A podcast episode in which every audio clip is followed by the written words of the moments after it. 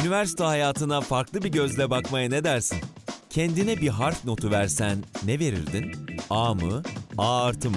Harf notu başladı. Sevgili dinleyenler, Harf Notu programının bir bölümüyle daha karşınızdayız. Bu bölümde konuğum Sinan Tolukan çok uzaklardan katılıyor. İzmir'de değil kendisi. Online konferans yoluyla konuk oldu kendisi bize. Sinan hoş geldin. Merhaba, hoş bulduk. Nasılsın? İyiyim, teşekkür ederim. Sen nasılsın? İyiyim ben de teşekkür ederim. Biraz yol yorgunusun. Seni böyle Almanyalardan döndün böyle yakaladık ama Evet evet ya ama yok gayet iyiyim şu an. Gayet keyifli bir sohbet olacak e, eminim. süper. yani. Sesin de enerjik geliyor zaten. Evet Harika. evet bir problem yok. Aynen. Tamam. İlk başta hani kendini tanıt istersen. Seni tanıyarak başlayalım programa. Tamam, e, ismim Sinan, Sinan Tolukan. Yaşar Üniversitesi'nden mezunum. Şu an video manager olarak bir Amerikan şirketinde çalışıyorum. Video manager biraz açarsam da bir altımda bir ekip var. Yaklaşık 12 kişilik bir ekip var. Video ekibini yöneten bir pozisyonum var şirkette. Uluslararası bir iş yapıyorsun yani aslında. Evet evet yani tamamen şey Amerikan şirketi sosyal medya içerik yapıyoruz ama tamamen İngilizce ve ağırlıklı olarak Amerika, İngiltere ve Hindistan pazarına çalışıyoruz. Çok sık seyahat ediyor musun? Mesela Almanya'dan döndüğünü söyledin bu hafta sonu ama nerelere Ee, gidiyorsun başka? İşin o kısmı güzel. Mart ayında işte Texas'taydık. Ondan önce Ocak ayında Vegas'ta şirketin her sene katıldığı bir çok büyük bir fuar var zaten. Ee, yani bir teknoloji fuarı CS var. Sanırım CS fuarı bittikten iki gün sonra başlamıştım. Onu kaçırmıştım. Ama her Ocak'ta zaten standart olan bir şey. Onun dışında Türkiye'de de geziyoruz. Türkiye'de de çalıştığımız firmalar var. Onların çekimlerini de yapıyoruz. Yani yurt dışı, yurt dışı geziyoruz. Ama böyle tabii yoğun tempoda gezmek yerine yoğun tempoda içerik üretiyoruz aslında. Peki gittiğin yerleri gezme fırsatı da buluyor musun? Ya o tamamen yaptığımız planlama programlamayla alakalı. Şimdi Amerika'dayken biraz daha fazla gezme fırsatımız vardı. Almanya'da çok sıkışık bir programımız vardı. Orada gezdik ama bu sefer böyle işte akşamları 2-3 saat falan gezebildik. Öyle yani o tamamen programlama çekeceğimiz şey set bilgisiyle alakalı aslında biraz. Bizim işimizin de böyle bir Kesinlikle. yanı var değil mi? Hani gezebilme imkanı vesaire. Mesela sen yakalamışsın işte o imkanı ne mutlu sana. Tabii tabii yani evet benim o yönden aslında biraz şanslıyımdır da ya. Ben hani ilk İstanbul'da taşındığım zamanki ilk işim de organizasyon firmasıydı. Baya böyle Türkiye'yi geze geze çalışıyordum o dönemde. Daha önce işte freelance olduğum dönemde yine Almanya'da bir fuar çekime gitmiştim. Ya o konuda biraz şanslıyım evet. Dil bilmenin de bir avantajı aslında bir yerde. E tabii evet ya doğru söylüyorsun. O da çok önemli. Şimdi geçmişe yolculuk yapacağız şimdi seninle birlikte. Tercih Süper, zamanlarına kadar gideceğiz. Şimdi ne, Oo çok ne- eski. Şimdi ne zaman girdin üniversiteye ben bilmiyorum. 2008 yılıydı benim. Şimdi o zamanları hatırlıyor musun peki? E tabii canım hatırlıyorum evet bayağı heyecanlı dönemlerdi. Şu an yine aynı arkadaşlar aynı heyecanı yaşıyordur eminim ama Biraz böyle o zamanlardan bahsetmeni isteyeceğim. Tercih zamanlarından, okulunu, bölümünü seçerken nelere dikkat ettin, hangi kriterlerin vardı vesaire. Biraz bahseder misin, anlatır mısın? Hatırladığın kadarıyla tabii. bir girizgah yapayım istersen. Şöyle oldu. Ben zaten iletişim fakültesi okuma niyetiyle zaten yola çıkmıştım. Yani zaten sınava girmeden bir yıl öncesinde ben işte radyo, sinema, televizyon ya da reklamcılık okuma niyetiyleydi. Sinema, televizyon daha ağır basıyordu o dönem. İşte sınava girdim. Sınav sonucum biraz beklentimin altında çıkmıştı. İşte şehir dışı istiyordum. Sonra şehir içi opsiyonlarına bakıyorduk. Yaşar Üniversitesi'ni araştırmaya başladık o dönem ailemle beraber ve şey vardı işte o zaman. O zamanki şeyi hiç unutmuyorum broşürde yazan. Türkiye'nin ilk HD laboratuvarı diye bir e, tanıtımı vardı. Merak ettik, gittik gezdik ailemle beraber. Bayağı etkilendim. O dönem medya merkezini gezmiştim. Medya merkezi çok yeniydi o dönem. Hı, Yeni kurulmuş olabilir evet o yıllarda. Evet, evet sanırım ilk ilk dönemleri medya merkezinin. İşte oraları gezdim, ettim. Bayağı aklıma yattı. Sinema televizyon ağırlıklı istiyordum. Burslu olarak sinema televizyon yazdım. Altına halkla ilişkiler yazdım. Bursuz bir şekilde bir şanssızlıkla halkla ilişkiler reklamcılık oldu. Uzun bir maraton başladım. Aa halkla ben seni radyo, televizyon, ve- sinema okudun sanıyordum eğer. sana bir şey diyeyim mi? Ee, hocalarımın birçoğu da beni o şekilde mezun olduğumu sanıyordu o dönem. Çünkü bizim Yaşar Üniversitesi'nde olduğumuz dönemde aynı fakülte içerisinden zorunlu dersler dışındaki dersleri seçebiliyorduk biz. O yüzden ben derslerimin çoğunu zaten sinema televizyondan aldım. Zorunlu derslerimi halk ilişkiler, reklamcılıktan alıyordum. Seçmeli derslerimin birçoğunu hep sinema televizyondan aldım. O yüzden hani sinema televizyon hocaları da bazen karıştırdı. Sen halk ilişkiler miydin yoksa? Aslında sen e, sinema televizyon okumuş gibi bir şey olmuşsun ya o zaman. Yani Diyebiliriz yani. ikis, ikisinin de şeyi yani tabii halkla ilişkiler reklamcılıktan da çok seçmeli ders de aldım, şey de aldım ama yine de evet ağırlığım her zaman istediğim şey işin prodüksiyon kısmında olmaktı. O yüzden ağırlıklı olarak doğru sinema televizyondan daha fazla ders almış olabilirim. Sonuçta iletişim fakültesi okudun. Bir birbiriyle bağlantı ya da birbirine bağlan birbirlerini tamamlayan şeyler aslında. Yani birbirlerine Evet. çok yakın olmasa da en azından tamamlayan şeyler. Şimdi bizim bu programda amacımız aslında şu anda ve sonraki yıllarda da üniversite tercih döneminde bizi bulup öğrenciler dinleyebilirler. Şimdi sen iletişim fakültesi okumuşsun ki bu bölümün de başlığı iletişim fakültesinde okuyanların ortak özellikleri. Biraz ben şimdi Aynen. sana bunu soracağım. İletişim fakültesi nasıl bir yer? Buraya geldiklerinde öğrenciler neyle karşılaşacak? İletişim Fakültesi bence özgür bir yer diyebilirim ve tamamen gündemle alakalı bir yer. Yani ne, ne diyeyim? Trendleri takip eden, Yani tamamen trendlerle alakalı bir şey. Evet. iletişim fakültesinde okuyanlar nasıl özelliklere ya da niteliklere sahip olmalı sence? Bir kere ilk sorumun cevabıyla çok bağlantılı. Kesinlikle tamamen günceli takip etmek çok önemli. Yani geçmişi de takip, günceli ya da ilerisini takip etmek bence çok önemli. Çünkü iletişim tamamen bunun üzerine olduğunu düşünüyorum ben en azından. Günceli ve trendi çok iyi biliyor olmaları gerekiyor, çok araştırmaları gerekiyor, çok okumaları gerekiyor ve çok izlemeleri gerekiyor. Bugün ne oluyor, yarının iletişim stratejileri neler ve dün eskiden bu nasıl yapılıyordu? Bunların hepsine hakim olmaları gerekiyor benim fikrim. Tabii hani insan biraz da hani deriz ya karakterine uygun bir mesleği seçmeli. Şimdi sen Evet. diyorsun böyle biri olması lazım. Peki iletişim fakültesini seçti. Burada okurken kazanacağı şeyler ne olabilir? Kazanımları ne olabilir bir öğrencinin? İletişim Fakültesi'nin insana kazandırdığı zaten en büyük şeylerden biri muhtemelen vizyondur zaten. Yani ben, ben en azından kendi üzerinden örnek verecek olursam çok büyük bir vizyon sağlıyor. Üniversite bu zaten vizyon sağlıyor oluyor. Ee, İletişim Fakültesi de kendi içerisinde bu vizyonu sağlamış oluyor. Bence en büyük kazanımlardan biri bu. Biraz daha böyle materyal olarak bakarsak işte Yaşar Üniversitesi özelinde de bakarsak Yaşar Üniversitesi'nin ben iletişim fakültesi açısından öğrencilerine sağladığı birçok faydası olduğunu düşünüyorum. İşte benim dönemimde Yafa vardı işte okulun kendi ajansı gibi işte orada brief gelirdi, brief üzerine çalışılırdı. Okul dergisi vardı, çok aktifti bunlar yani biz bunları okurduk yani sadece var olmak için var olan şeyler değillerdi. Gerçekten aktiflerdi ve en büyük çatının en büyük kısmı da medya merkeziydi. Kendimi tamamen orada geliştirdim diyebilirim. Senin öğrencilik hayatından bahsedelim o zaman biraz. Biraz hayatım yayılmış zaten- bir evet öğrencilik hayatın olduğunu biliyorum senin. Yani şöyle şu an dinleyenlere kesinlikle söylüyorum. Kesinlikle örnek alınmaması gereken bir öğrencilik hayatım oldu. Çünkü 13 yıl sürdü benim öğrencilik hayatım. Yani 13 yıl sonra ben 2021 mezunuyum. 2008 girişliyim. 2021 geçen sene zaten yani daha çok üzerine bir şey olmadı. Daha birinci sınıfın ortalarında sanırım Şubat ayıyla ben medya merkeziyle tanıştım. İşte Cenk Beylerle. Cenk Bey demeyeyim gerçi. Cenk abiyle tanıştım. Ve sonra tamamen kendimi bir şekilde medya merkezine attım ki orada şeyde geç kalmıştım. İşte öğrenci seçmeleri olur normalde.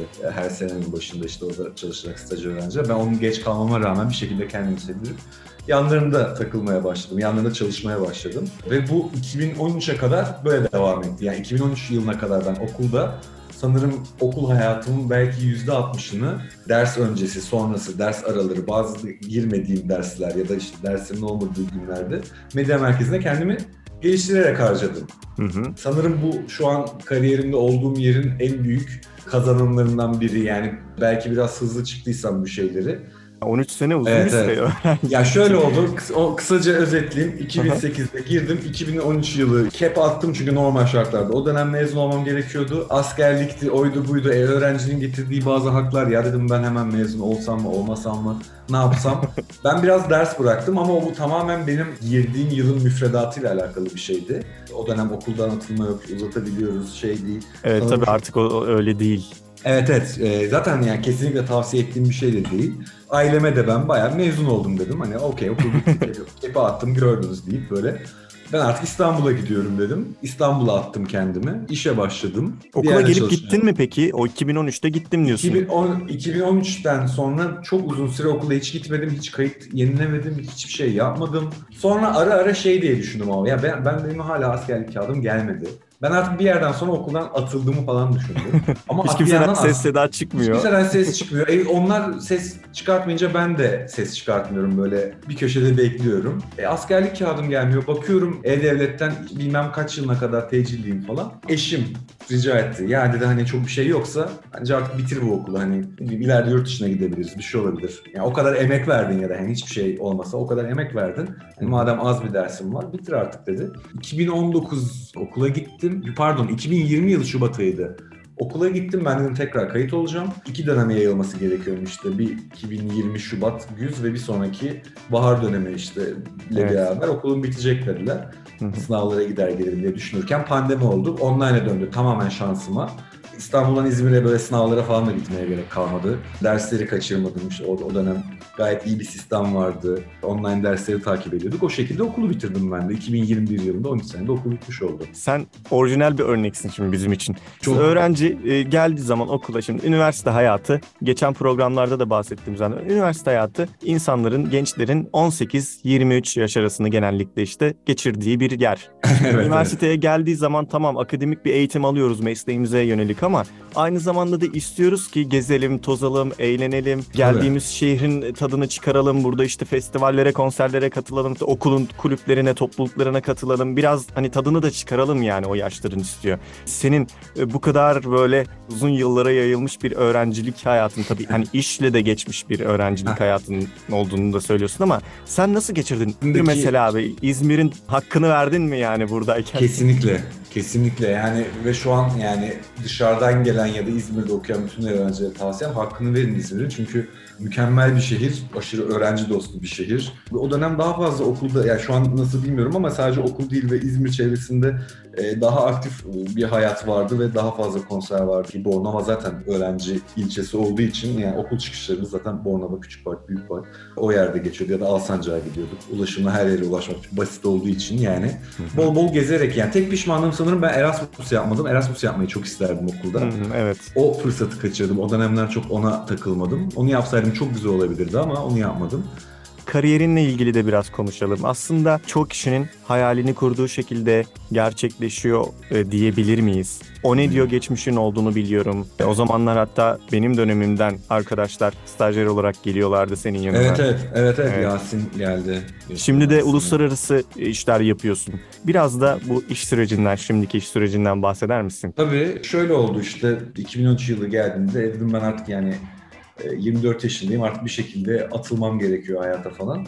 E, İstanbul'a gittim. Hiçbir şey yok yani. Ne iş görüşmesi var elimde ne bir şey var. Sadece İstanbul'da okuyan bir arkadaşıma işte sırt çantamı topladım.